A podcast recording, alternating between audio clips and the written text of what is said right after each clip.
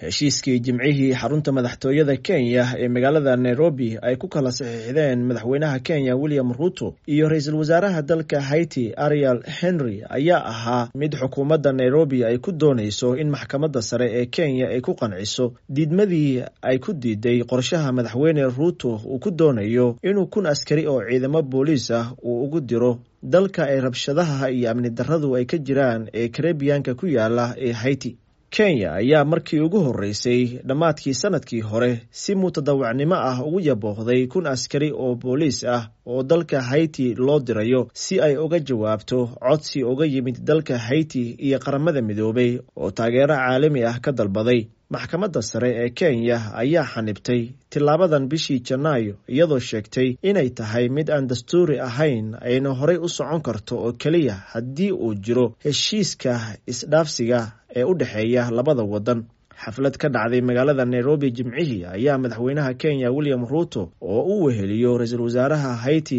ariel henry ayaa lagu sheegay in labada waddan ay kala saxiixdeen qalab isdhaafsi si loo ogolaado in la soo daadgureeyo ciidamadaasi iyagoo ka wada hadlay tillaabooyinka xiga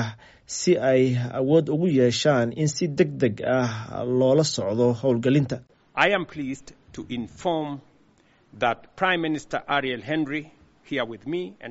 waxaan ku faraxsanahay inaan idiin sheego in aniga iyo ra'iisul wasaare ariel henry aan goobjoog ka noqonno saxiixa qalabkan.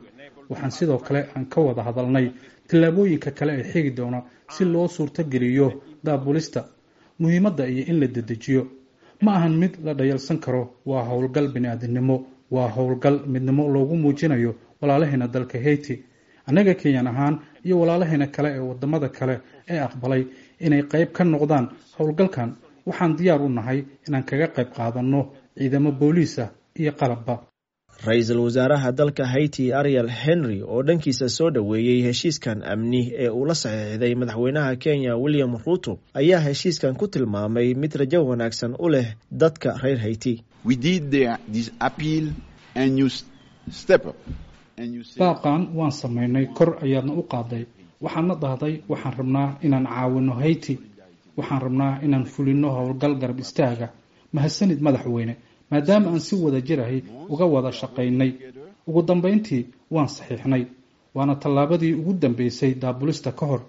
Waxaan rajaynayaa in daabulistu ay si dhaqso ahi ku dhacdo waayo dadku meelna uma dhaqaaqi karaan. Waxaan howlgalkan ka rajaynayaa rajada mustaqbalka rajada bini-aadamka iyo rajada dadka golaha ammaanka ee qaramada midoobay ayaa horaantii bishii oktoobar ee sannadkii hore ansixiyey in kenya ay hogaamiso howlgalka nabad soo celinta ee dalka haiti halkaasoo ay kooxo burcad ah ay ka geysanayaan dhibaatooyin ka dhan ah bani-aadamnimada xaaladda dalka haiti ayaa isku bedeshay dal fawdo ah oo faraha ka baxday saddex sano ka hor markii madaxweynihii dalkaasi la dilay. Khadar maxamuud xareed v o a nairobi